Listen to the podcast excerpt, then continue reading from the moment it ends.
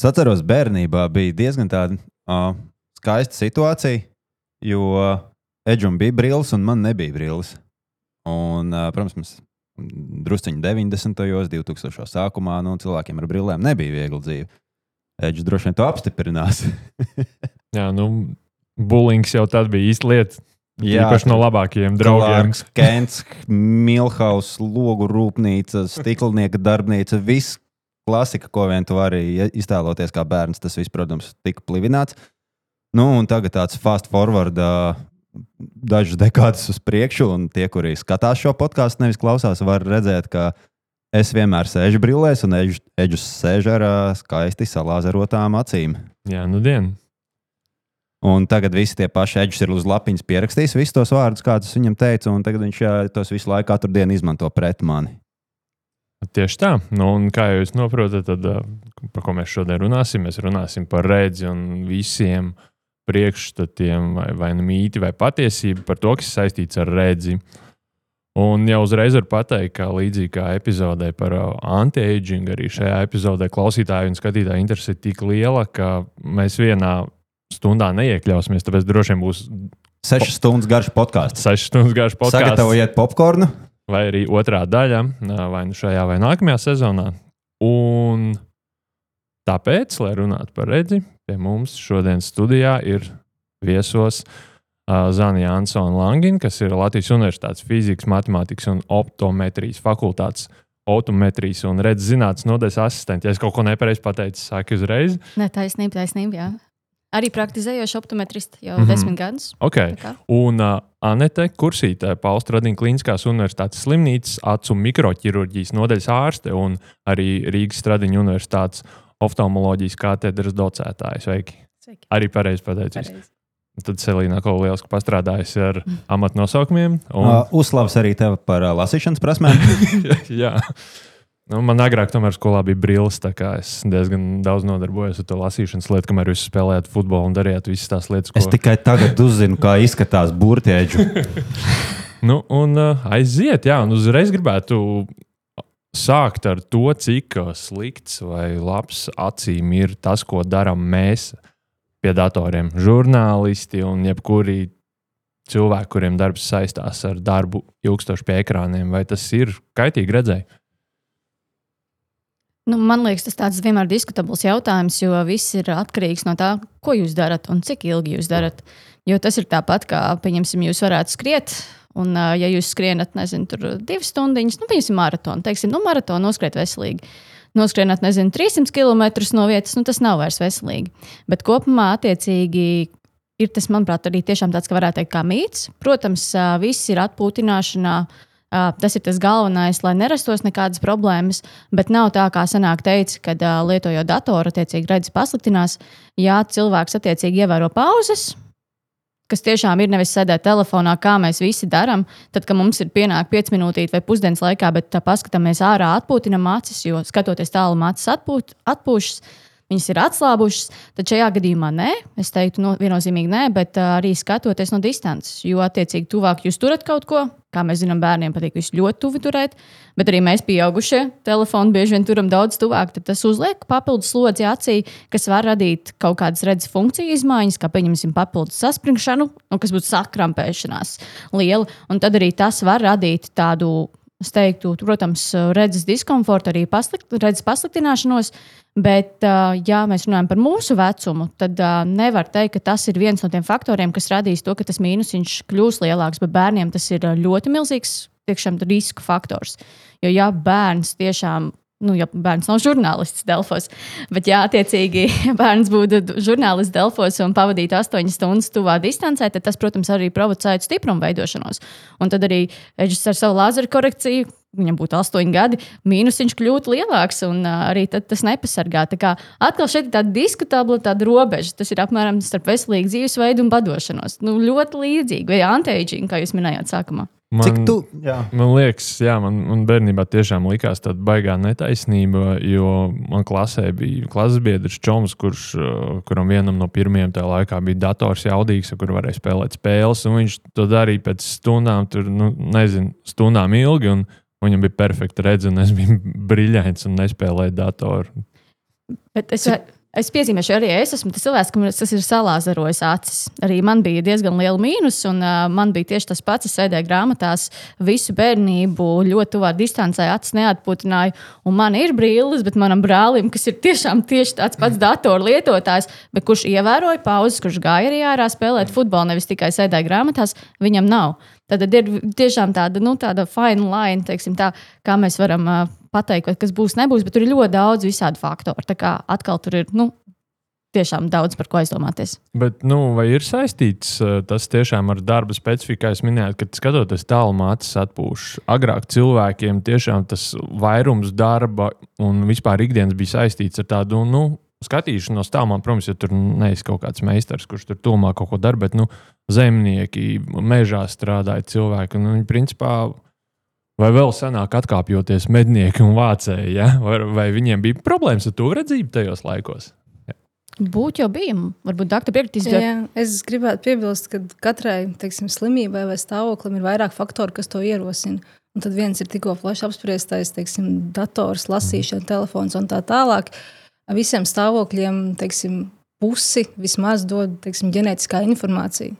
Jā, un ja jums, tā kā jūs minējāt savu stāstu par brāli, jūs par saviem draugiem, nu nevienmēr, ja jūs darīsiet vienu un to pašu, vienmēr iznākums būs viens un tāds pats. Jā, tā kā tam cilvēkam, kuram ir šī ģenētiskā predispozīcija uz tūredzību, kas ir garāks acu sābols, savādāk redzams forma un tā tālāk, jo refleksija veido ne tikai, ne tikai acu muskuļi, tās ir visas acu struktūras, kas veidojās, un šis ir tas ģenētiskais materiāls, ko mēs nevaram ietekmēt. Bet, protams, mēs varam šo progresu veicināt, minētie piemēri par lasīšanu, īpaši bērniem un tā tālāk. Nu, tas pats, es domāju, par jūsu minēto piemēru, kas bija tālā pagātnē. Protams, ka šis riska faktors tuvuma redze datoru nebija, līdz ar to noteikti es to neesmu pārbaudījis. Droši vien neviens nav pētījis, un to būtu grūti noskaidrot, bet es domāju, ka bija mazāk šīs problēmas, mm. ko, ko izraisa šie vides faktori. Mm -hmm. Otrs būtiskais, runājot par acu veselību, ekrāni, tā ir sausā acis. Tas ir pēdējos gados ļoti daudz pētīts, ļoti daudz pieminēts sausās acis sindromu kas radās atkal daudz un dažādu faktoru iemeslu pēc, bet viens no faktoriem ir reta mirkšķināšana. Un mēs reti mirkšķinām, kad mēs koncentrējamies, respektīvi, lasām, telefons, ekrāns un tā tālāk, kas savukārt novada pie acis virsmas izmaiņām, kas ietekmē, kas rada šos simptomus, acu nogurumu, graušanu, apsārtumu un tā tālāk. Un arī būtībā maina refrakciju, asaru plēvīti, kas ir šis acis mitrums, arī piedalās gaismas laušanā. Līdz ar to tas ir ļoti plašs temats, kas izraisa faktiski ļoti daudz dažādus efektus. Jā, Nē, tev, kad tu biji maziņš, tev vecākiem bija brīvs, tur tētim, mammai, kad viņi bija jaunāki. Man šķiet, ka nē, ka viņiem parādījās arī kaut kad vēlāk. Jo es tagad zināšu, kad, kad no speciālists minēja par to ģenētiku, tad zinu, ko vainot. Jo man mammai brīvs, tētim brīvs, vecajai mammai brīvs. Šeit ir būtiski piebilde, ir tāds ar vecumu saistīts notikums, ko deva par presbiopiju. Proti, mums zūd spēja skatīties tūmā. Mm. Un faktiski lasāmās brilles ir visiem cilvēkiem, kas nav teiksim, ar tuvredzību. Šeit var būt izņēmumi, bet cilvēkiem, kuriem ir laba redzes tālumā, pēc gadiem 40 50.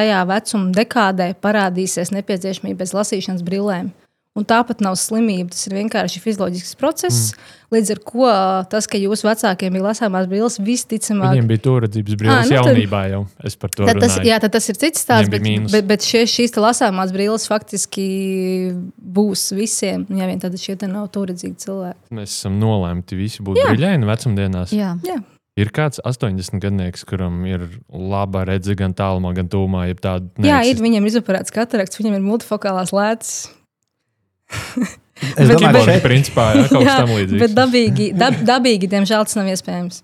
Tātad īstenībā mēs šeit arī atbildam uz diezgan bieži uzdot jautājumu, vai redzes defekti, vai redzes, nu, cik lielā mērā tas ir iedzimts faktors. Tad līdz ar to tas ir Jā. daudz iedzimts. Mēs uh, pieminējām par telefonu turēšanu pārāk tuvu sejai un pārāk tālu sejai. Nu, mums tagad, teiksim, cilvēki, kurš skatās šo podkāstu, cik tuvu ir tuvu. Es varu attālināt, un jūs varat pateikt, kurš ir tas brīdis. kā, kā zināt, uh, nu, tagad tur ir nu, šādi viņi. Parasti pieņem celkoņu no plaukstas līdz elkonim vidēji 40 centimetri. Tas ir tāds standarts, pie kā parasti mēs arī kā, sakam un mudinam cilvēkus. Jo, jo tuvāk objekts, jo vairāk acī ir vienkārši jāsaspringst. Tas nosaka to, ka jums vajag vairāk spēku, lai saskatītu objektus. Un, protams, ātrāk acis nogurst. Un tāpēc, pieņemsim, cilvēki, kas strādā mikroskopu, nu, kas ir pirmkārt ļoti sarežģīta optika, maza distance, tas radīs vēl lielāku acu saspringumu. Tad, tas, protams, nav ideālā visumā tik veselīgi. Jā, protams, ar atpūtināšanas pauzēm jau ir labāk. Es gribēju piebilst, doktoram minētājiem arī par to sauso aci. Ja senāk mēs uzskatījām, ka bērnam nevar būt sausās acis, tagad jau mēs redzam, ka bērniem ir ļoti bieži izplatītas sausās acis. Jo senāk tā nebija tik ļoti liela problēma, ka mēs nepavadījām tik daudz laika tuvumā un nemirkšķinājām. Tad tagad arī tas ir, un ar to ir arī jārēķinās mums redzes speciālistiem. Tad, kad tas bērniņš nāk uz izmeklēšanu ap sešiem, septiņiem gadiem, ka tur arī var būt arī tādas papildus sūdzības, kas nav tikai saistītas ar redzi, un to ļoti saskaramies. Nu, tas atkal sajiet uz to, vai pirms tam bija tuvredzība, senos simts gadu laiku atpakaļ. Ticamākais tiešām piekrīts viennozīmīgi daudz mazāk nekā tagad, jo tie faktori ir daudz kairinošāki redzēt, nu jā, nekā pirms tam. Blakus efekts tam, ka bērns uzaudzina planšetē. Jā, jā. Skaidrs. Par telefonu turēšanu tuvu tālu tās ir labas ziņas cilvēkiem, kuriem ir garas rokas. Ļoti sliktas ziņas mūsu kolēģim Edgars Bāliņam. Tagad es Bet... paskatīšos kamerā, un uh, Patriks vienkārši piezūmos man seju. Bet man jāpiebilst, ka ir arī visādi citi redzes funkciju traucējumi, kad arī 40 centimetros nebūs labi. Un tad, tad ir tādas lietas, ka acis nespēja varbūt savērsties perfekti. Arī man nāk tādu pacientu. Vienkārši it kā jā, acu saspringst, forša optika būtu pareiza, bet ir kaut kādas citas funkcijas, kas nenodrošina to labo redzi. Tad viņš sūdzās par izteiktāku nogurumu. Kad arī, protams, ja tik līdz pacients sajūt, nu, ka tajos 40 centimetros īpaši nav kaut kas komfortabli, obligāti, es iesaku, iet jau pie redzes speciālista, jo tas var nebūt tiešām tikai saistīts ar man ir nezinu, nulles, man tālumā nav nepieciešams brīvs, bet ir visādas citas funkcionālas izmaiņas, ko parasti mēs varam uztrenēt lielākoties. Ne, ir interesanti. Īstenībā jau parasti cilvēks izvēlas tīri dabiski to to vieglāko ceļu. Nu, es nezinu, iet pa, pa īsāko ceļu vai nekāpt pa trepēm, ja var nekāpt. Kāpēc mēs, ja jau acīm tā ir tik liela slodze, gribam dabiski to telefonu tuvināt un tuvināt klāt, ja jau tās acis nogurst? Nu, kāpēc? Jo tuvāk objekts, jo viņš izskatās lielāks, vieglāk saskatīt. Man likās tā tāds loģisks skaidrojums. Mums, mums vienkārši vajag uh, telefons lielākiem ekrāniem. Jā, tieši tā. Lielāk burti. Bet, hei, viss taču atrasina arī brilles, kas domāts darbam ar datoru, vai ne tā? arī par to jautājums, cik, cik lielā mērā brilles, kas domāts darbam ar datoru, cik lielā mērā tas ir mārketings, cik tā ir zinātnē, cik tā ir muļķības. Viņš ir zilās, zilās gaismas par ko par filtriem? Jā, zilās gaismas filtri vai oranžais ekrāns uzlikts, vai arī brilles ar pārklājumiem, ko vienmēr gan arī piedāvāja. Ja, kad es vēl pirku brilles, un katru reizi, kad es mainīju brilles, man vienmēr teica, nu, strādājot ar datoru, vajadzēs to pārklājumu. Tad, jā, nu, protams, jā. Jā, man viņa vienā brillē uzlika, un tagad man ir. Es, ne, es ne, nezinu, vai es varu ar viņām rādīties ārā. Viņš nu, reizes smiesies par mani. Tas noteikti nav teiksim, tas pats būtiskākais, bez kā nevar dzīvot. Pilnīgi noteikti nē. Vēl jau vairāk, ja cilvēkam nav nepieciešams brilles, nu, tad, respektīvi, nav nepieciešams korģēt refrakciju, tad tikai ņemt uh, brilles bez dioptrijām ar šiem aizsargu filtriem. Mūsdienās es teiktu, ka nu, tas, tas nav. Savukārt, ja jums brilles ir nepieciešams, tad, nu, nu, es teiktu, tas ir subjektīvs dabas jautājums, jo tāpat arī monitoriem, telefoniem visiem var uzstādīt šos, te, tā zilā gaisma tiek samazināta, dažādi filtri, līdz ar ko, nu, Man liekas, jāpiebilst šeit, ka nu, ir pētījumi daudz dažādi, to mēs zinām. Bet vispār jaunākie pētījumi paredz to, ka nav īsti statistiski būtiska atšķirība, vai ir tas filtrs vai nav. Nav tā, ka senāk teica, ka Dievs jums tur miega ritms uzlabosies, acis mazāk nogurs, viņas būs aizsargātākas. Tā gluži nav tiešām milzīga nozīme mums ir spilgtumam. Pašam par sevi spilgtums ir galvenais, kas mums rada diskomfortu. Un tāpēc arī tam datoros, vispār īstenībā visās jaunajās tehnoloģijās var jau uzlikt šo blue block filtru. Nav jāpērk atsevišķas brīles. Sāksim ar to iekonomēt sev 80 eiro. Vismaz uz stikliņiem. Bet samazinot spožumu, jau attiecīgi arī izmainot varbūt krāsu balansu, kā mēs saskatām, tas jau attiecīgi palīdzēs atslābināt, nu, at, atslogot, padarīt jūs relaksētākus. Uh, Problēma vairāk, man liekas, arī rodas nu, divos aspektos. Viens ir, pieņemsim, uh, telefona lietošana pirms miega. Es nezinu, vai kāds skatītājs to jautājumu arī ir iesūtījis. Bet ļoti bieži mēs arī zinām, ka šis pilnais spektrs, kas mums ir telefonā, mums var aizkavēt attiecīgi tieši aizmigšanu pašu par sevi, kas atkal iziet no fizioloģiska procesa. Un tad, attiecīgi, šī krāsu izmaiņa varētu palīdzēt, attiecīgi, vieglāk aizmigt. Bet arī šis, ja pirms pieciem gadiem teica, ok, jāliekam šīs zilās filtru lē, lēcas, un jūs labāk gulēsiet, arī tagad tie pētījumi nav tik viennozīmīgi. Bet ir skaidrs, ka tiklīdz mēs samazinām spožumu un izmainām tiešām minimāli to ekrāna krāsu, tas jau attiecīgi nodrošina labāku aizmigšanu, un otrs ir bērniem ar mīnusiem. Ja senāk teica, ka arī bērniem ir jāraksta šāds brīvs, tad pašlaik mēs sakām kategoriski nē. Jo ir pierādīts, ka attiecīgi, lai šī tuvredzība neprogresētu, vismaz samazināt to riska faktoru, par ko mēs pieskārāmies sākumā, ir jābūt pilna spektra gaismai. Attiecīgi, nevar būt tā, ka mēs izslēdzam ārā, pieņemsim, zilo gaismu, un tas palīdzēs. Tieši pretēji ir pierādīti pētījumi vairākus dzīvniekiem, kas apskata to, ka tieši tas pātrina mīnus veidošanos. Un tas arī ir tāds būtisks, kas ir pilnīgi izmainījies tagad, nu, 5, 10 gadu laikā kad nu, mēs to nedarām. Nu, ir vadlīnijas, ka mēs to nerakstām, un it kā atkal šeit ir mārketings. Visi reklamē, ka vajag, un arī nāk vecāki un saka, man bērnam vajag, bet viņi neapzinās to varbūt to fizioloģisko procesu. Nu, vai, kas, ir, kas ir spēcīgāks? Ārsta rekomendācija vai mārketings? Jo nu, vecāks nāk, viņš grib izdarīt bērnam labi, un viņš pieprasa varbūt tās brīvs, nē, nu, bet zilā gaisma taču slikta. Vai, vai ir viegli pārliecināt šādus cilvēkus, kuriem tas ir dziļi iesēdies apziņā, ja tas visu laiku ir atkārtots? Es teiktu, ka nav viegli un reizēm varbūt arī nevajag pārliecināt. Jo, protams, ir lietas, par kurām ir būtiski pārliecināt, kas tiešām būtiski ietekmēs bērnu vai pieaugušā cilvēka veselību. Bet ir lietas, kas, nu, kā varbūt šī, tikko jau mēs apspriedām, nu, tas nav tik būtiski. Nu, ja kāds ir dzirdējis, ka to tik ļoti vajag, viņš vēlās ieguldīt papildus līdzekļus, nu, dieva dēļ dariet tā, un viss būs priecīgi. Tā kā es domāju, šis tāds neitrāls jautājums. Tas nedaudz homeopātisks, es tā dzirdu. Um, uh, jo es arī, kad es gāju taisīt brīvības, man arī uh, nu, es, uh, iegūju viņas pagājušajā gadā. Pirmo reizi gāju, es domāju, ka, nu, ja es esmu beidzot saņēmies šo izdarīt, Tad uh, būšu par augstskolnieks, un uh, aizem, man vajag brīvības. Viņi saka, vai es strādāju datorā. Jā, tad vajag zilos pārklājumus. Es saku, ikdienā negribēšu ar viņiem ārā rādīties, bet, nu, ja vajag, tad dodiet otras brīvības. Un tā es nopirku divas ļoti labas ziņas tiem, kur man viņas pārdeva, protams. Jā. jā, un vēl es varu pateikt, ka šajā telpā atrodas arī cilvēki, kuriem nevajag redzes korekciju, kuriem ir brīvs ar zilo pārklājumu. Un tas neesmu es. Mūsu procentu celīna, kur man šobrīd rāda dažādus žestus par šo. Es Elīnu pierakstīju atbildību iepriekš, bet uh, par spilgtumu runājot, uh, tad es dzirdu pareizi, ka pirms gulētiešanas spēdot telefonu, no, uh, veselīgāk būs nesāt saules brilles, nevis zilā, zilās brilles. Veselīgāk būs izslēgt telefonu. Tieši tā, lūdzu, nevelciet saules brilles. Labi. Jā. Bet var sarkano. Jā, jums ir sarkani filtri. Ļoti labi miega adapt, tumsas adaptācijai. Sarkanā krāsa labāk palīdz. Varbūt tad kaut kādu uz matriks pusi, kaut ko tādu stilīgāku. Biznesa ideja, ka mums ir jāsāk ražot un marketēt kā sarkanās, sarkanos filtrus kā lietu. Mm. Kārtējā biznesa ideja, kas izskan šajā podkāstā. Neviena no pagaidām nav īstenota, bet nu, Jā. Es gaidu, kā tev veiksies ar tavu cīruļu pētījumu. Starp citu, jā, tas bija bet, labs. Jā. Uh, Nu, jā. uh, aiziet. Mums ir Laižam tālāk. Jā, pieminējām sagurušas acis. Ko tas vispār nozīmē?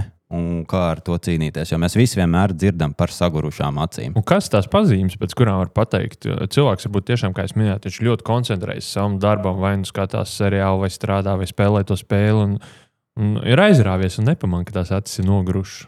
Kas pazīmes? Es teiktu, ka šis ir jautājums, pirmais, ko mēs apspriedām. Tie ir divi, divas lietas. Tie ir acu muskuļi būtībā un acis virsma. Acis virsma, tad acis sausums, ja acis ir sausa, tas rada diskomfortu. Svešķermeņa sajūta, graušanās sajūta, apsārtumu, arī nogurumu. Un tad ir tas acis muskuļu darbs, kas nodrošina mums redzes tūmā, un tie muskuļi arī nogurst. Tīpaši ir kaut kādas refleksijas kļūdas, kas nav korģētas. Uh, tad uh, tas rada tieši to muskuļu nogurumu, kas radīja galvas sāpes. Jā, un, nu, faktiski jā, tie ir klasiskie simptomi. Un ko nu? Nu, noskaid, noskaidrot iemeslu. Noskaidrot iemeslu. Tātad, ja tas ir acis sausums, pirmkārt, noskaidrot jūsu dzīvesveidu, vai kas rada sausumu, vai tas ir tīri dzīves stils, dzīves apstākļi, vai tā ir jau kaut kāda patoloģija, kas ir saistīta ar asaru produkciju. Tas ir viens, kā to var mazināt, novērst. Tās ir mākslīgās asaras, kas māk, mitrina acis virsmu un noņem šos sim- simptomus, kas saistīti ar sausumu. Otrs, ja tā ir te muskuļu teiksim, nogurums, tad tas, ko iepriekš jau tika runāts par atpūtu, lasot, strādājot tuvumā. Un noskaidrot, vai ir refleksijas patoloģijas, kur būtu jākorģē lasāmās brilles, ja, un, un tam līdzīgi, kas var novērst šo muskuļu saspringumu. Es varbūt varu piebilst, ka nu, man nāk ļoti daudz pacientu tieši šādu sūdzību, un es pilnīgi piekrītu doktorai. Divi varianti. Vienmēr sā, es pat arī sāku izvērtēt asarslāni, saprotu, kas tur notiek, un tad es skatos tuvuma funkcijas, jo īpaši, protams, stiprums sākumā, un tad visas iespējamās fokusēšana, atslābšana, savēršanās, sapludināšanas funkciju. Un, ja es redzu, ka ir kaut kāda problēma, es šajā gadījumā ne tikai ieteikšu pauzes, es arī nozīmēšu fizioterapiju. Jo fizioterapija nav mums visam ķermenim, tas var būt arī treniņa acīm, kas palīdz tieši salāgot vai no acu atslābšanu, no acu saspringšanu, kas var palīdzēt ar simptomiem. Bet atkal šeit ir jāskatās, cik ļoti viņi ir izteikti.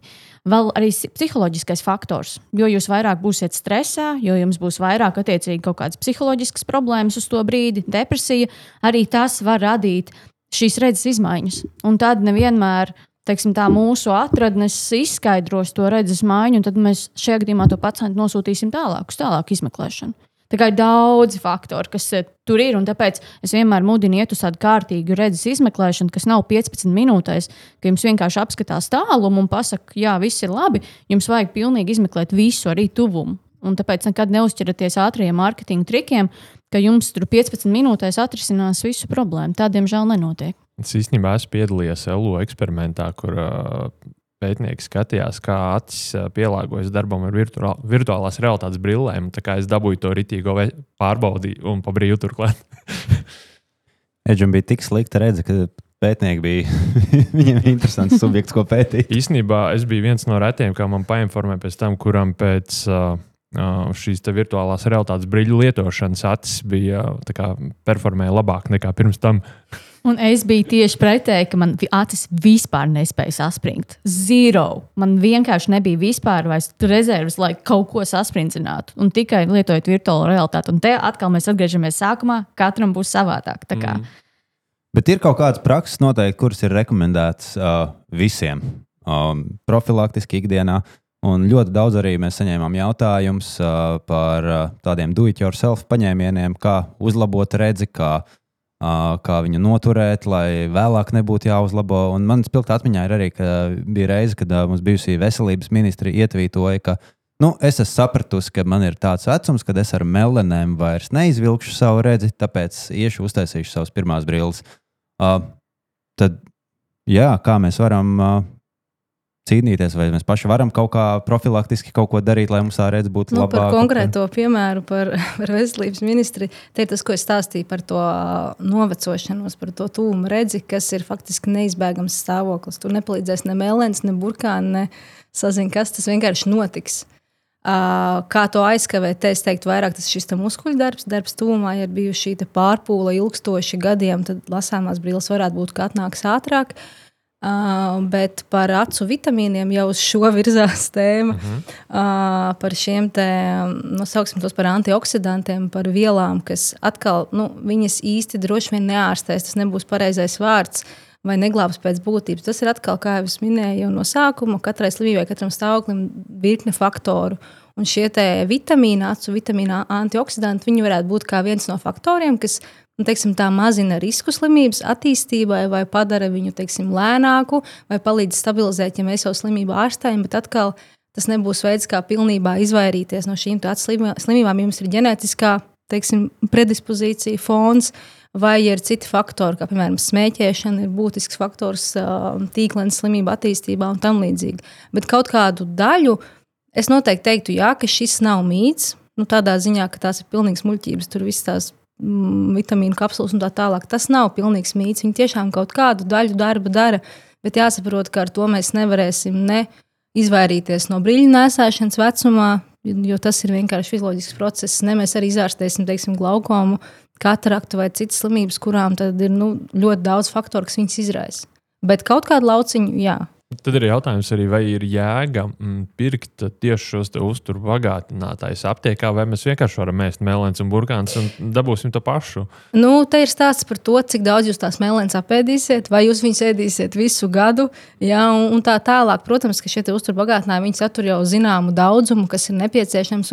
Noteikti tas ir vieglāk. Es teiktu, tā. Protams, vislabākais jau viss, kas ir dabīgs, viss ir vislabākais. Kā, ja, tad, ja jūs varat nodrošināt šo daudzumu ar burkāniem, spinātiem un tā tālāk, visu, kas tiek rekomendēts, protams, kāpēc ne? Bet tad jautājums, vai no tā necietīs teiksim, jūsu kuģis un, un citas uh, organismu daļas. Palielam atbildi ir tāda, ka ar melanēm novecošanu nevar aizkavēt. Jā. Par ļaunu arī nenāks. Par ļaunu nenāks tieši tā. Uh, nu, vēl ir arī savulaik bija populārs, nezinu, vai tagad uh, vingrinājumi acīm, lai, uh, un te nav runa pat vienkārši par atpūtināšanu, bet reāli ar šo tu varēsi izārstēt savu to redzību. Es varu pastāstīt, jo mēs pašlaik universitātē tieši veicam pētījumus par šo. Tad, tad ir divi veidi vingrinājumi. Viena, kas mums tā kā, kā atslābina aciņu, kas ir populārākie, saucās viņa beigas vingrinājumu.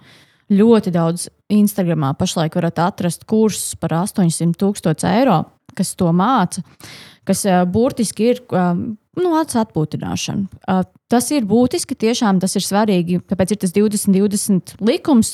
Ik pēc 20 minūtēm, 20 sekundes paskatāmies tālumā, jo ideālā visumā acī tuvumā vajadzētu saspringt tālumā atslābināties. Lai nav tā, ka jums, pieņemsim, ir tikai tuvums stāvoklis, jūs esat nenormālā stresā un, attiecīgi, pēc tam nevarat atslābināties.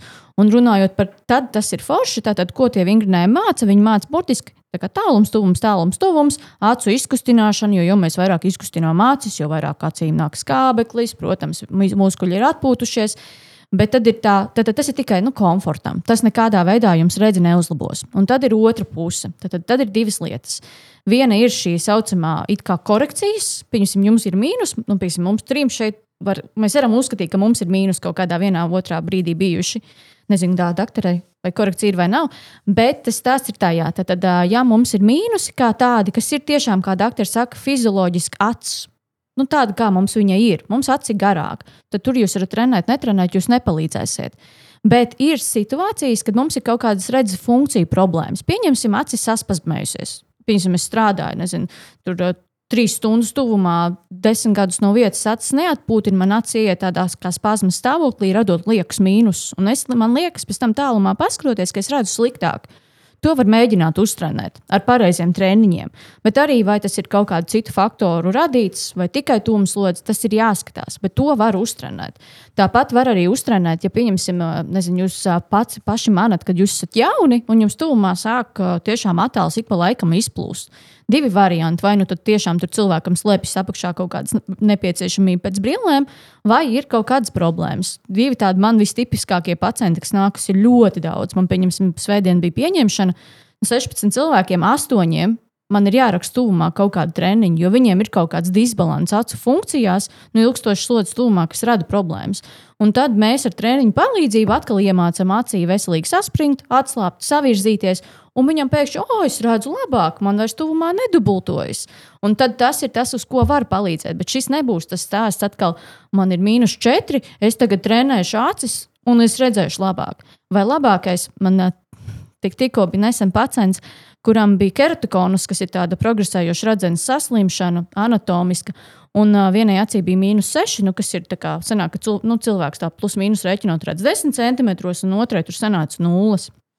Un viņš man saka, nu jā, ka viņš tur trenēja aci, to keratokonus, to acu saslimšanu ar maziem burtiņiem, kas ir nu, homeopātija, sauksim tā. Un tajā brīdī pēc tam viņš man raksta Facebookā, ka viņam pēc manas vizītes palika labāk ka es viņu izārstēju. Ka viņam, viņam liekas, ka viņš redz labāk. Un es domāju, nu, es viņam neko neizrakstīju. Nu, es viņu aizsūtīju prom pie acu ārsta, jo viņam ir keratokonus, bet viņš raksta slavas vēstules, ka es viņam tagad esmu atvērusi redzi, un viņš redz burvīgi. Un atkal tad ir citi faktori, kas varbūt ir jāizvērtē, kas ir psiholoģiskais stāvoklis vai kas. Bet uh, ir tiešām nav tik acīm redzami, ka nestrādā treniņu, ir, kad viņi strādā. Bet tāpēc, nu, nāciet uz vizīti. Viņš ļoti negribēja iet pie tā acu ārsta. ah, jā, es tomēr Tas ir tieši tas, ko man vajag. Es tur citu redzēju, kā Jānis atpūtina acis strādājot ar datoru. Viņš ievēro šo paskatīšanos tālumā. Viņš pēc 20 minūtēm paskatās uz meža attēlu bildītāju. Tad var nofokusēties tālāk. Nu, uh, vēl viena lieta, jā, par ko man arī īstenībā agrāk uh, šausmīgi biedēja. Nu, Tīpaši visi mani čomi noteikti gribēja uzmērīt manas brilles un paskatīties. Un tas bija tā, ka oh, nu, tu nevari vilkt viņas ilgi, jo tad tev pasliktināsies redze. Un tad, protams, visi uzvilka šausminājās, ka tur neko nevar saprast. Man tur mīnus trīs bija. Uh, vai ir tā, ka uzvelkot uh, brilles, kas uh, nav tev vajadzīgas, ja tā teiksim, perfekta redze, un tu uzvelc kaut kādas brilles, kas paredzētas mīnus trīs, vai var sabojāt redzi? Mm, sabojāt īsti nevar. Tas radīs nepatīkamas subjektīvas sajūtas, jo acis muskuļi mēģinās tad, nu, kompensēt šo kļūdu, kas ir uzlikta. Uh, bet nu, tā, tas nodarīs kaut kādu tiešu. Protams, ja cilvēks mērķiecīgi katru dienu šīs brilles liks un mocīsies, un atkarībā no tā, tas ir bērns vai šī refleksija mm -hmm. vēl ir mhm. ietekmējama. Bet pieaugušam cilvēkam noteikti nē, tās būs tikai vienīgi nepatīkamas sajūtas. Bērnam gan piekrītu pilnīgi doktorai, ja bērnam attīstās atstiņa, vispār veidojas tā redzes sistēma, jūs uzlikt viņam nepareizs brīvības, protams. Jā. Līdz kuram vecumam ir uh, šajā jautājumā tas bērns, par ko mēs runājam? Nu, kopš kur, cik ir tie gadi, kad var jau būt drošs, ka mēs varam mākslīties ar nepareizām brillēm un nesbojāsim neko? Es gribēju to paprasīt, bet es domāju, ka es neprasīšu, tāpēc man prieks, ka tu to pavaicāji. Man bija kauns. Jā, nu, kā, kā, nu, ir jābūt tā... šeit tam džekam? Tas iepriekš, ko es minēju par to, ka faktiski akomodācijas spējas, tad, ja neiet runa par bērnu, tad tiešais bērns ir bērni, ir hipermetrops. Tas nozīmē, viņiem ir plusiņi, viņiem acis ir mazāks, viņas ir augošas. Tas ir vidēji nu, līdz 6, 7 gadiem, mm -hmm. ka viņiem šie plusiņi ir normāli šajā posmā noteikti acis ir ļoti jūtīga uz kaut kādām nepareizām korekcijām, bet arī pēc tam acis turpina attīstīties. Nu, droši vien novilkt stingru rāmi būtu grūti pateikt, bet, kā jau minēju, tā acis, nu, tad jau atkal tā novecošanās, tas ir tas nākošais posms, kas ir tie manis pieminētie 40. Plus, Ja, kad faktiski tie acis muskuļi strādā. Bet nu, es droši vien baidītos skaļi pateikt, kurš ir tas posms, kad nu, dariet, ko gribat. Mēs negribam dot uh, vecākiem nepareizas idejas. Ne? Nu, Es, ja par skaitļiem, bet par kaut ko citu, vienkārši mums ir līdz astoņiem gadiem citas funkcijas, kas nav tikai redzes, nu, kas mm. mums ir stiprumi. Piemēram, tāpat binokularitāte, kas ir attēlu sapludināšana, tur uh, stereo redzes, nezinu, cik ļoti tu vari saņemt tos 3D objektus, vai tu jūti distanci. Tas ir tas būtiskākais vecums līdz astoņiem gadiem, kad tas viss attīstās. Bet nu, tad arī, protams, tā redzes ir būtiskākā. Ja, ja redzes būs slikta, tad tas nestimulē smadzenes attīstīties, bet, kā jau doktori minēja, pēc tam mēs vēl attīstāmies. Tur jau, protams, šīs funkcijas pamatā ir nostabilizējušās, tā saucamā sapludināšana, tur telpiskums. Tad tas varbūt netikt izmainīts tik ļoti, bet man jāatzīst, ka ir bijuši arī mani pacienti, kuri nesā pilnīgi greizes brilles, tur 30 gadus nobīdīt tieši centrā. Izcelties, ja jums acīm būtu jābūt, nezinu, brillēs taisni, viņam viņas sanāk viena nenormāla, piemēram, pie paša rāmja augšas, otra apakšs stipra un milzīga, un viņam pilnīgi ir dabiski attēls nobīdīts. Un viņš šādu visu dzīvi ir dzīvojis, viņš jau ir pieredzējis, un tagad es uzlieku uzliek viņam pareizes brilles, viņš man saka, o, man viss dubultojas. Kad arī šim procesam, jo ilgāk viņus nesā, ja mēs nerunājam par uh, uzlikšanu uz brīdi, brilles tas nekādā veidā nebojās, bet tas atkal ir atkarīgs no daudziem visādiem citiem faktoriem. Cilvēks vienreiz sasits brilles un negribēja mainīt, jā, viņam tā šķība ir. Jā, stāv. viņš arī dzīvoja. Bet jautājums ir, vai, vai šo procesu var reversēt, un vai jūs uzliekot pareizes, piemērotas brilles, vai ar laiku viņa redze pieradīs, un, un atkal varēs ar normālām brillēm redzēt pareizi bez dubultošanās. Jā, parasti jā. Jā, mēs uz to ejam, cenšamies mm. maksimāli, lai to sakārtot, bet arī tas nevienmēr ir iespējams. Un tas atkal ir atkarīgs no tā, cik ilgi tu esi dzīvojis ar šo problēmu. Tas ir tāpat kā liela problēma, varbūt arī mums visiem, ņemot vērā mūsu aptuveno vecumu, ir pārkorekcijas. Nu, kad ļoti daudz senāk tā izmeklēšana uz redzes pārbaudēm bija daudz savādāka. Un tad bija tas, ka bieži vien izrakstīja pat daudz mīnusiņus fiziski, nekā varbūt patiesībā bija vajadzīgs. Un tad ir tas, ka tas cilvēks visu dzīvi dzīvo, pieņemsim, viņam vajag mīnus 4, viņš dzīvo mīnus 5. Un tajā brīdī, kad es gribētu viņam to mīnus 4 uzlikt, es vairs nevaru, jo zinu, ka viņš vairs nepieradīs. Viņam jau acis ir pieradusi pie tā konstantā saspazmējuma. Un arī tad tie stāvokļi ir jāizvērtē. Un tad ļoti palīdz šis presbiopijas vecums, ap 40 gadiem, kad mums pēc kaut, kādiem, pēc kaut kāda laika nāk arī tie mīnusiņi kļūst mazliet mazāki. Un tad jau mēs varam ja, tikt pie tā pareizā stipruma, bet arī ne, tas ir atkal atkarīgs no sākotnējā stāvokļa, kas tur bija vainas.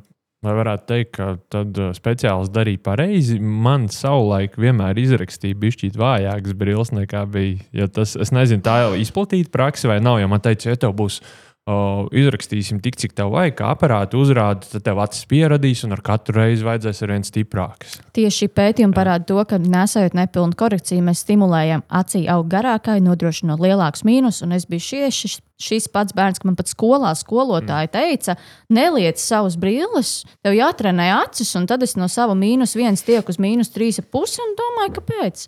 Tas ir mīts un ļoti daudz vecāki, jo īpaši arī cilvēki tagad nāk un saka, man, kā, vai tad nevajag mazāk? Nē, varat izcelties. Jums ir, es vienmēr saku, tā kā.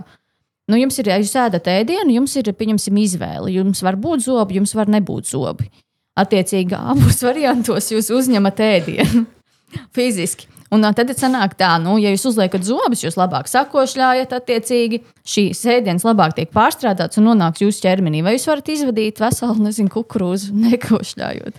Nu, viņš kaut, kaut ko jau uzsūc ķermenī, bet ne tik ļoti. Nu, tāds primitīvs piemērs.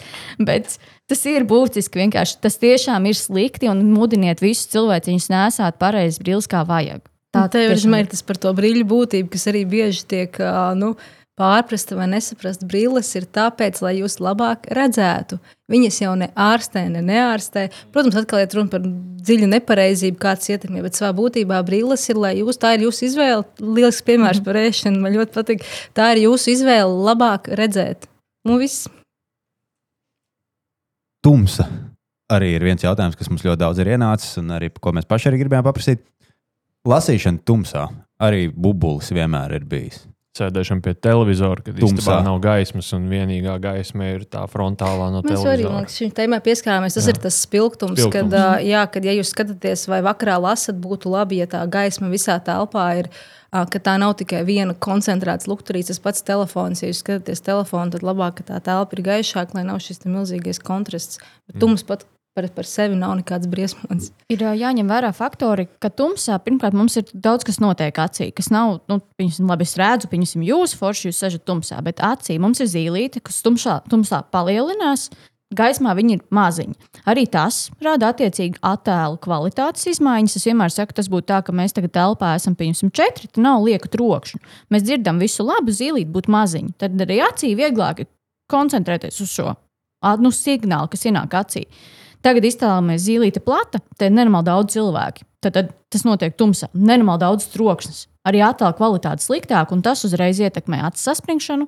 Tā sas- saspringšana pat atkarībā no tumsas stāvokļiem, var būt līdz pusotrai dioptrijai. Nu, varat iztēloties, vienā brīdī tu vari redzēt, vienā brīdī sliktāk, un acī visu laiku jāmēģina zūmot dažādos stiprumos, un tas rada to nogurumu. Vai tas pasliktina redzi? Nē, kā jau arī doktori minēja, vienīgi tas, ka tas nu, pasliktina to jūsu sajūtu. Tas principā tāpat kā ar fotoaparātiem, ne? Mazāk diafragmas Jā, jā, jā. atvērums, tad ir Mazāk, asāks un jā. dziļums lielāks. Tieši tā. Tātad lasīšana lasīšana, ir objektīvs, principā. tad Tieši tā. lasīšana tumsā nesabojās redz, bet tā nebūs patīkama pieredze. Jā. Forši, nu, Uh, mācām tālāk. Jā, Es vienkārši skatos tēmas, cik mums te ir pierakstīts un kas tur uf, mēs savu. mm, Bet uh, varbūt arī tur būs jautājums, tas pats ar lasīšanu, un pēc 40, kas spilgtā gaismā cilvēks redzot labāk. Un tad atkal tas ir tas pats skaidrojums par zīlīti, ko es teicu. Šaurāk zīlīti, labāk redzam. Un ļoti daudz pacientu nāk un saka, ah, jā, bet kad man ir labs apgaismojums, es redzu ļoti labi. Jā, jo tam ir izskaidrojums, un tā arī vajadzētu. Mēs visu laiku atgriežamies pie bērnības tēmām, dažādām. Un uh, viena no tādām veģis visu bērnību uztraucās par to, ka, ja viņam trāpīs ar bumbiņu pistoli acī kāds, tad viņam acis iztecēs. Uh, mēs viņam jau bērnībā teicām, ka tas nav iespējams, jo viņam bija tāda okulāra, ka tur ar ložmetē nevarētu tikt cauri. Bet, uh, bet, bet, bet uh, mēs gribam parunāt par uh, acu stiprumu, jo uh, ko, ko, cik daudz acis ir spējīgi nest, varbūt jums ir kādi prakses piemēri ar ā, pacientiem, kuriem ir bijušas kaut kādas. fizisks traumas, tur kaut kādas, jā, Jā. jā. tur metāla skaidri iedūrusies un Jā, līdzīgi. no acu traumas ir smaga tēma, jo acu traumas ļoti bieži ir ļoti smagas, kas rezultējās no redzes zudumā, acu zudumā. Ja? Ā, Cik viņi ir izturīgi nu, izmērīt, teiksim, kādu spēku izturēt, to ir grūti atbildēt. Um, runājot par jūsu piemēru par brillēm un bumbiņu, nu, viņš patiesībā nav nemaz tik smieklīgs, jo, jo gadās, ka šī te, un, un ja jau pa virsmu ir brilles, tas ir vēl bīstamāk, jo tas ir stikls, kas var šo te aci uh, savainot krietni vairāk nekā, ja brīļu nav. Jā, tā ir pilnīgi taisnība, ka brīlis tas ir papildus uh, riska faktors nopietnākai traumai pie atsevišķām situācijām. Jā, un tas bija slikts čoms. Tāpat nekad tā nevarēju trāpīt. Bet uh, traumas, jā, nu ir šīs vieglās traumas, kas ir acu saskrāpējums, traumām ir sezonalitāte, jā, vasarā, teiksim, viņas noteikti ir vairāk.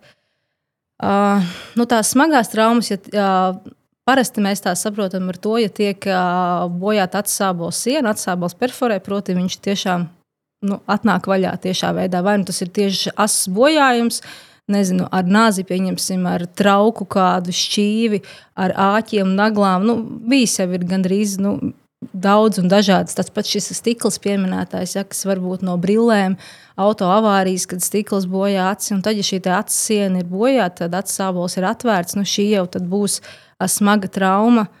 Un iznākums atkarīgs no tā, kādas acu struktūras ir iesaistītas un cik reāli mēs varam palīdzēt.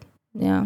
Bet uh, es nezinu, cik detalizēti mēs šo jautājumu mm. tālāk apspriežam. Mums, mums tiešām vajadzēs otro daļu arī podkāstam. Noteikti. Bet vēl viens tāds jautājums, kas man personīgi šķiet ļoti interesants, un par to es nebiju pats arī padomājis. Vai acu krāsai ir kāda funkcionāla nozīme tieši redzes kā kvalitātei, vai ir cilvēki ar kaut kādu noteiktu acu krāsu, kur redz labāk tumsā, vai viņiem ir mazāk no sniega, tur, kad atstarojas? Mm, es gribētu atbildēt, ka īsti nē. Uh, acu krāsas ir pigmenta daudzums. Faktiski, ja tiem, kuriem ir pigments vairāk, tiem ir šīs tumšās, brūnās acis, kuriem mazāk viņas ir gaišākas. Vai tas tieši ietekmē redzes kvalitāti kā tādu? Noteikti nē, bet ir teiksim, dažas saslimšanas, kurām tātad, nu, saka, ka šīs varētu būt vairāk uh, tumšs acainiem cilvēkiem, jā, kas varētu būt gaiši acainiem. Bet tieši tā kā acu krāsa pati par sevi, nu, es teiktu, ka nē. Un, jā, mēs arī sākām runāt par acu krāsām. Tad uh, ir tāda sadaļa mums arī par uh, visādiem trendiem, kas saistīti ar, ar acīm. Un viens no tiem ir arī acu baltumu balināšana, mēģināšana padarīt nu, baltākus šos baltumus ar kaut kādiem pilieniem. Es pirmo reizi tādu dzirdēju. Un, uh, Joku, bet uh, jautājums, vai tas vispār ir droši? Es domāju, ka runā, ja es vienīgais, kas man nāk prātā, tie ir šie acu pilieni, kas sašaurina asinsvadus. Nu, pad, padarīt aci baltāku, sklēra ir pilnīgi balta. Tad šī tad, uh, acu daļa, kas ir baltā, tā ir sklēra un tajā nav asinsvadu. Pa virsmu ir konjunktīva, acis ļoti tāda, kurā ir asinsvadu. Un tad, teiksim, ā, kaut kādu faktoru ietekmē šie asinsvadi kļūst platāki un tās acis izstās apsārtušas. Tas varētu būt iekaisums, vai tie varētu būt nu, kaut kādi medikamenti vai citu veidu līdzekļi, kas paplašina asinsvadus. Un tad ir tiešām acu pilieni, kas sašaurina asinsvadus un tādējādi samazina šo apsārtumu. Es nezinu, vai jautājums ir par šo, bet tas ir Jā, vienīgais, ko es varu iedomāties. Uh, un tad jau, viņi neko neārstē. Ja, un tad šie apstākļi, tad ir jājautā, kāpēc acis ir sarkaņa. Tas ir iekaisums, ir jārastē iekaisums, tā ir infekcija, ārstējuma infekcija un tā tālāk. Uh, bet ir tiešām acu pilieni, kas tieši sašaurina šos asinsvadus. Lietot jā. viņus tāpat vien vienkārši.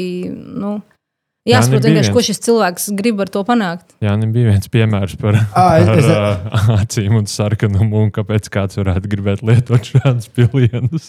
Jā, jo uh, internetā meklējot uh, uh, skaidrojumu šim tam, mēs atradām, ka ir cilvēki, kuri lietojot konkrētas narkotikās Jā, vielas. jā, tas ir stāsts mēģina- tieši par to. Tas ir tieši par to, un no tā arī tad ir šie pilieni, un šie cilvēki tos pilienus arī lieto.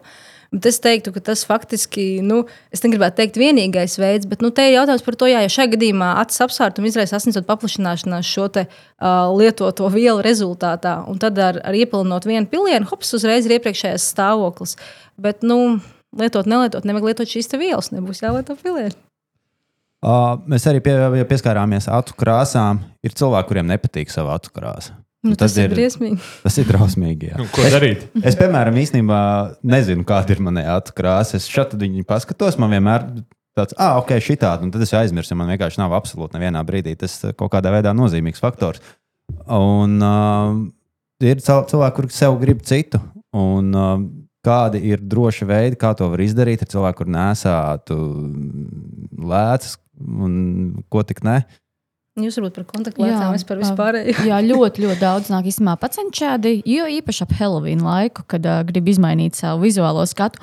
Uh, jā, kontaklētas ir droši, viņas ir pareizi piemeklētas. Pašlaik īstenībā krāsainās kontaklētas ir. Um, Es teiktu, vienādas uh, mitrināšanas ziņā ar mīkstajām parastajām, kas būtu piemēram mīnus 3 korģēta. Senāk bija tā, ka viņas bija daudz sausākas, uh, Daudz tiešām sliktāka mitrināšana viņām bija. Viņas bija arī lielākas izmērā, kas uzreiz nosaka to, ka viņas sliktāk pieguļ. Un, attiecīgi, tas, nu, tas acis stāvoklis lai, nu, tiek bojāts, bet kopumā tas rezultāts jā, ir ļoti labs. Īstenībā, ja kāds grib pamēģināt, tiešām iesaku alkohola mājaslapai. Šī nav reklāma, ir ļoti forša tāds kā vizualizācijas, eh, vizualizācijas ierīce, kurām attiecīgi jūs varat ielādēt savu bildi, un viņš uzliek, kā, piemeklēt kontaklāts, un īstenībā ļoti forši var paskatīties, kā izskatās, kas patīk, kas nepatīk. Uh, Te atkal arī piezīme, nu, piemēram, tas ir tāds, ar ko es vairāk strādāju. Doktori pastāstīs vairāk, ir visādi citi veidi. Bet runājot par tām netipiskām acu krāsām, nu, ka nevar saprast, tas, protams, ir arī atkarīgs no gaismas laušanas, kā gaisma attiecīgi tiek iekšā acī. Jo taisnība skatoties būs viena, otra, otra, jums ir gaiša acu krāsa, tur izskatās zilganīgi. Es teiktu, zila zilganīgi, pelēka, viegli, vairāk uz zilo tonu, bet to arī var bet pārbaudīt. Jau trīs krāsas dzirdēju. Jā, bet tas, tas vienkārši ir kombinācijas. Nav tā, ka ir tikai zila, pieņemsim. Citiem ir attiecīgi zaļi, brūns pigments, jo te var būt pirmā kārta, brūna, otrs zaļš mm. pigments virsū. Iesaku uztaisīt foto, varat atnākt pāri ielai, uztaisīsim, noskaidrosim. Tad nu, arī par to nevajag satraukties, ka nē, neesat tādā vienā kategorijā. Mēs esam nonākuši tajā posmā podkāstu, kur ir jāķers pie klausītāju jautājumiem, jo laika ir maz, jautājumu ir daudz. Un... Jā, skaidrs, ka Kā? mēs visus nepaspēsim, bet uh, vienkārši bliezīsim un uh, lūkosimies, kur atapsimies. Un sāksim ar, ja lazeru korekcija ir tik droša, tad kāpēc daudzi oftalmologi ir briļaini? Es atbildēšu no tādas puses, ka es strādāju klinikā, kas veic šo. Uh, uh, ir tā, ka uh, liela, liela daļa manu ārstu arī ir uztaisījuši lazeru korekciju, daļa nē. Pamatfaktors, kāpēc nav uztaisīts, ir kaut kādi mazie mīnusiņi. Jo mums pēc visiem cilvēkiem, kā jau mēs te runājam, pēc 40 gadiem ir nepieciešams brīvs tūmā, un tas mazais mīnusiņš palīdz. Uh, tas, ko es noteikti piekrītu, ka uh, ir metodas, kas ir drošākas, kas nav drošākas, un tas viss ir ļoti atkarīgs no vispār acu parametriem. Uh, Es pati arī, kad sāku strādāt, biju diezgan skeptiska par to visu. Uh, un vienā brīdī es sapratu, to veicot pati pētījumus, kas apskata 10, 15 gadu, 20 gadu rezultātus tieši salīdzināšanai. Es sapratu, ka man trūkst faktori. Kā, nu, objektīvi iemesli, kāpēc neveikt. Jo es sapratu to, ka uh, man redzams parametri ir ļoti labi, bet šeit man tiešām jāpiebilst, ka ir jābūt ļoti labai izmeklēšanai. Lai tiešām saprastu to, vai tā lāzera korekcija pēc tam kaut ko neierosinās, Risks pastāv visam, bet nevar tā teikt. Tāpēc arī optikā ļoti daudz man nāk un saka, kāpēc optikā visiem strādājošiem brilles? Nu, tā nav. Nevar tā pateikt. Varbūt cilvēkam gadījās aiziet uz vienu klīniku, bet piezīme jāiet uz labu izmeklēšanu. Tādu tiešām. Par šo arī bija jautājums, vai tās izmeklēšanas, kas ir pieejamas brīļu veikalos, tās ātrās, vai viņas ir līdzvērtīgas tām, kas ir aiziet individuāli pie speciālista ja runājam par optometristu, es man pašai ir doktora grāts, jūs pie manis varat atnākt klinikā, jūs varat atnākt pie manis optikā. Es varu apgalvot, ka mana izmeklēšana ir vienlīdz laba abās vietās, bet šeit ir arī faktors no firmām, kurās strādāju, jo mēs zinām, citiem ir mazāk laiks dots, lai izmeklētu pacientu, citam ir vairāk.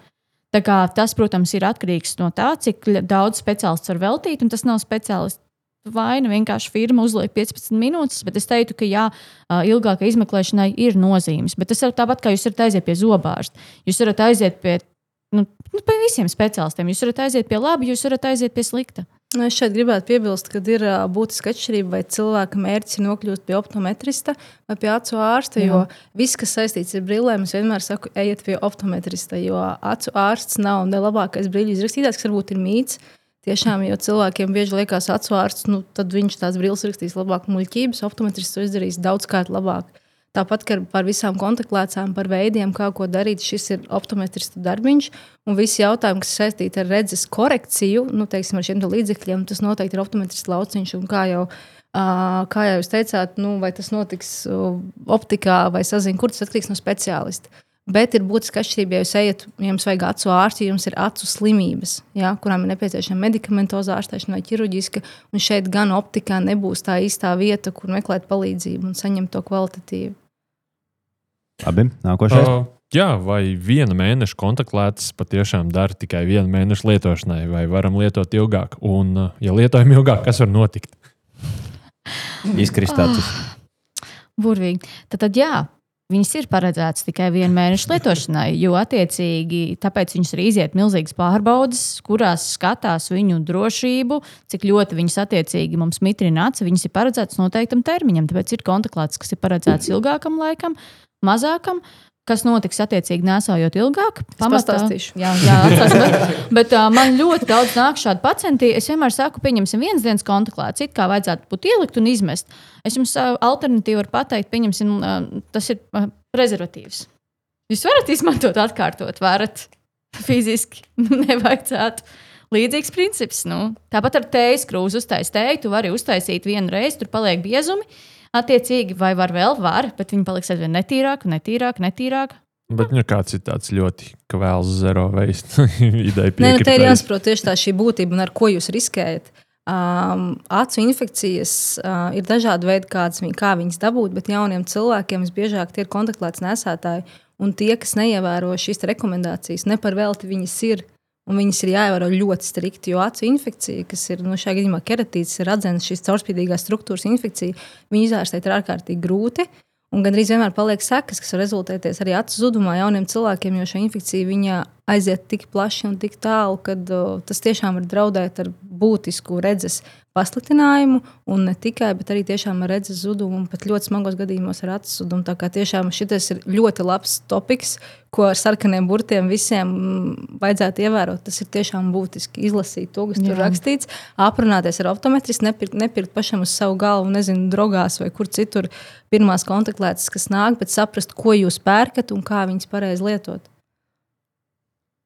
Saules brīvs un UV filtrs. Vai brīvs bez UV filtra bojā redzi? Mm, jā.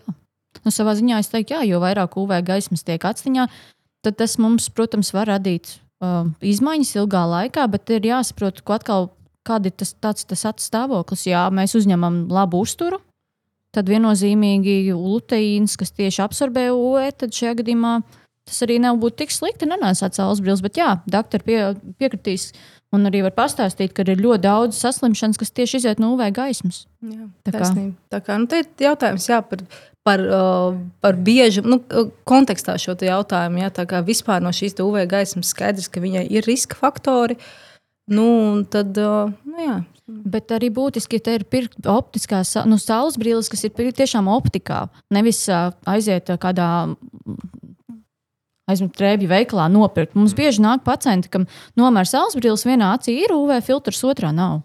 Nu, tad, ko jūs esat nopirkuši saules brilles, ejiet uz vietu, kas arī garantē, ka ir tur tas UV filtrs iekšā, un mēs varam optikās bez maksas. Jūs varat iet jebkurā optikā un nomērīt savus saules brilles, saprast, vai tur ir vai nav, un cik ļoti viņas arī aizkavē, aizkavē šo UV gaismu.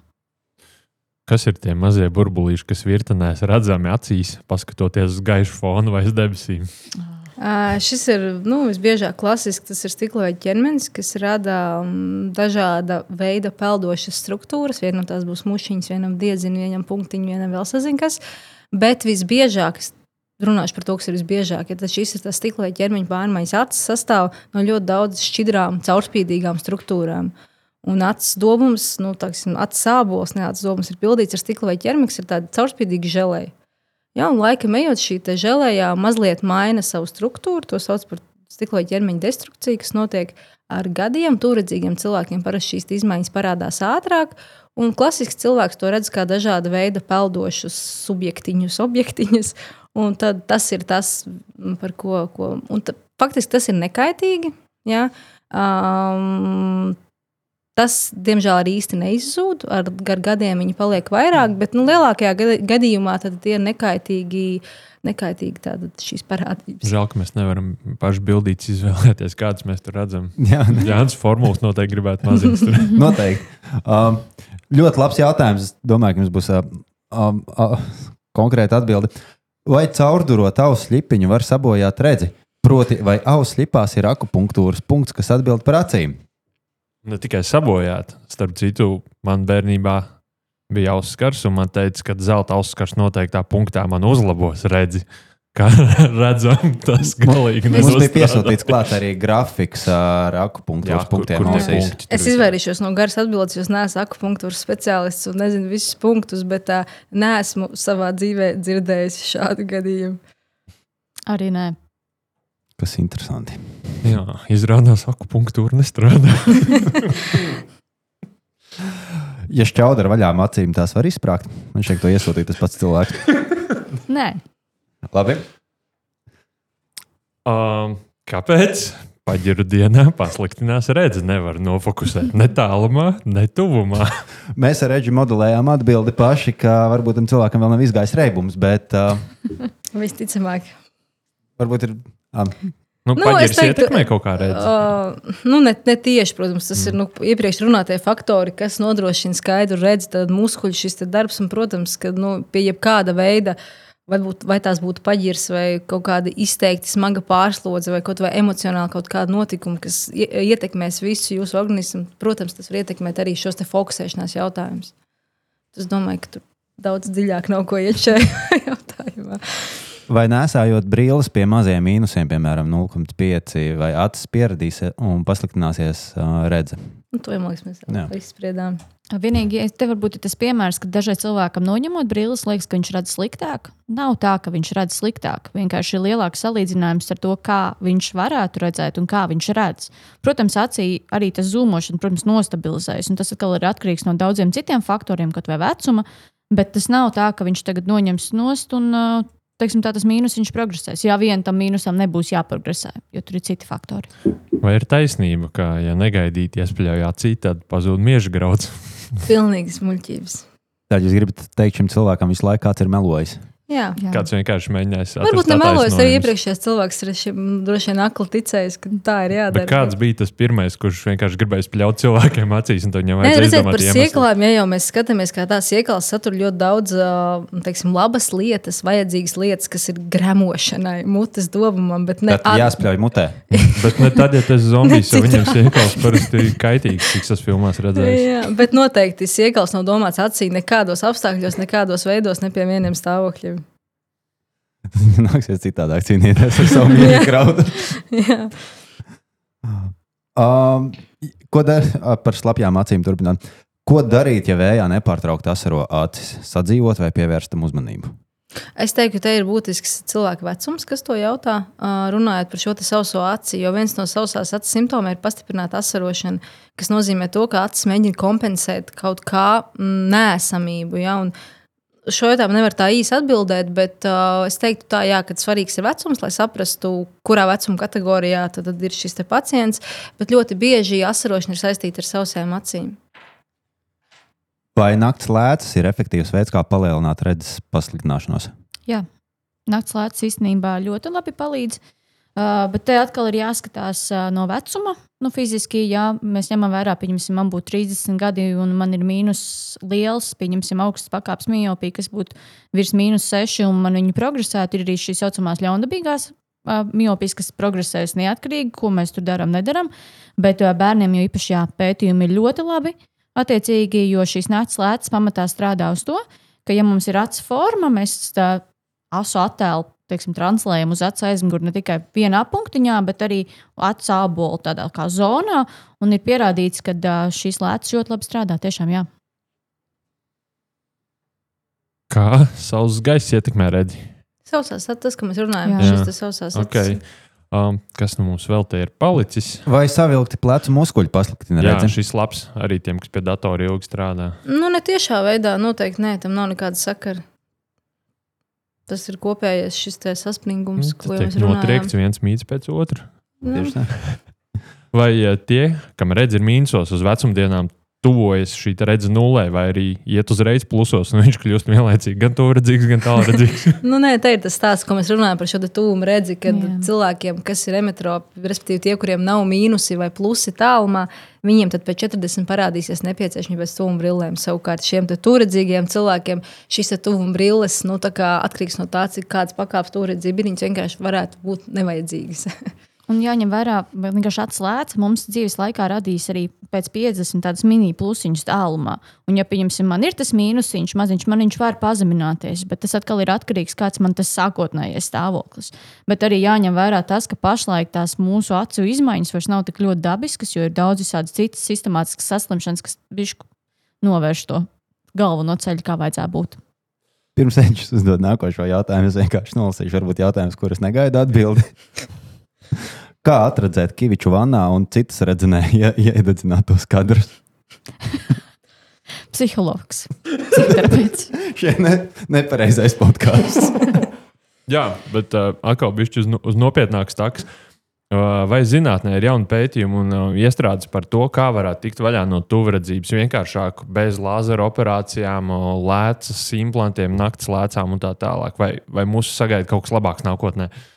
Nu, grūti pateikt, kas būs nākotnē, bet, bet kā jau mēs šeit arī daudz par to diskutējām, tur ir daudz faktoru un visus nekad nebūs iespējams novērst. Tā kā viennozīmīga īsa atbilde nē, nekad nebūs kaut kāds brīnum līdzeklis, kas nu, novērsīs tuvredzību. Un šeit jau arī stāsts par to, ka tuvredzība jau nav slimība. Tā ir acis, faktiski nu, uzbūve, teiksim, mm -hmm. tā, ja? un tad nāk klāt papildus riska faktori arī slimībām, kas biežāk ir tuvredzīgiem cilvēkiem un tā tālāk. Uh, bet, nu, jā, īsa atbilde nē. Klausītājs Dāvis mums raksta, es neko neredzu, bet es arī ne, nezinu, ko viņam atbildēt. Dāvi, lūdzu, brauc uz uzņemšanu, ja tas notika Bet Viņš jau neredz, kur aizbraukt. tā Kā, Kā viņš to uzrakstīja? Jā, tas ir labs jautājums. Strādājot pie datora, Ir refleksija, ir jā. uz klaviatūru vairs neskatāmies. tā kā- Vai daltonismu var izlabot, vai ir krāsu redzes korekcija? Nē, nevar. Attiecīgi, daltonisms, labi, tas ir tāds cilvēku lietots termins, bet tā ir parasti ģenētika. Attiecīgi, ģenētiku mēs neizmainīsim. Labi. Ja es pareizi redzu, tad mūsu podkāsts jau iet pāris stundas atzīmē. Mums ir jāsiem buntītāji, diemžēl. Lai kā man gribētos vēl visus šos te jautājumus uzdot. Jā, mums ir ļoti daudz jautājumu. Mums ir arī tēmas, kurām mēs vēl pat nepieskārāmies, un, un, un jautājumi, kuriem mēs nepieskārāmies, jo tie bija pārāk dīvaini. Jā. un, un mēs pat, pat prasījām par uh, to vannas Vannu, jautājumu. jā. Līdz ar to. Iedomājieties, kas tur vēl ir. Jā, un noteikti šī ir tēma, ko mēs vēl turpināsim. Lielas paldies uh, viesiem, paldies Selīnai, Patrikam, visiem klausītājiem. Starp citu, uh, jāpiemina, ir, ka pēc pēdējās uh, epizodes uh, mēs pirmo reizi nonācām Spotify uh, podkāstu numuru viens pozīcijā. Latvijā. Jā, par to es domāju. Paldies arī liels visiem iepriekšējiem viesiem, Mm. komandai, visiem pārējiem, un vismazāk arī mums redzu. Tad jau redzēsimies nākotnē. Tieši šādu iemeslu dēļ vismazāk paldies mums. Podkāsts Zinātnē, muļķības ir tapis ar Mēdīju atbalsta fonda līdzfinansējumu.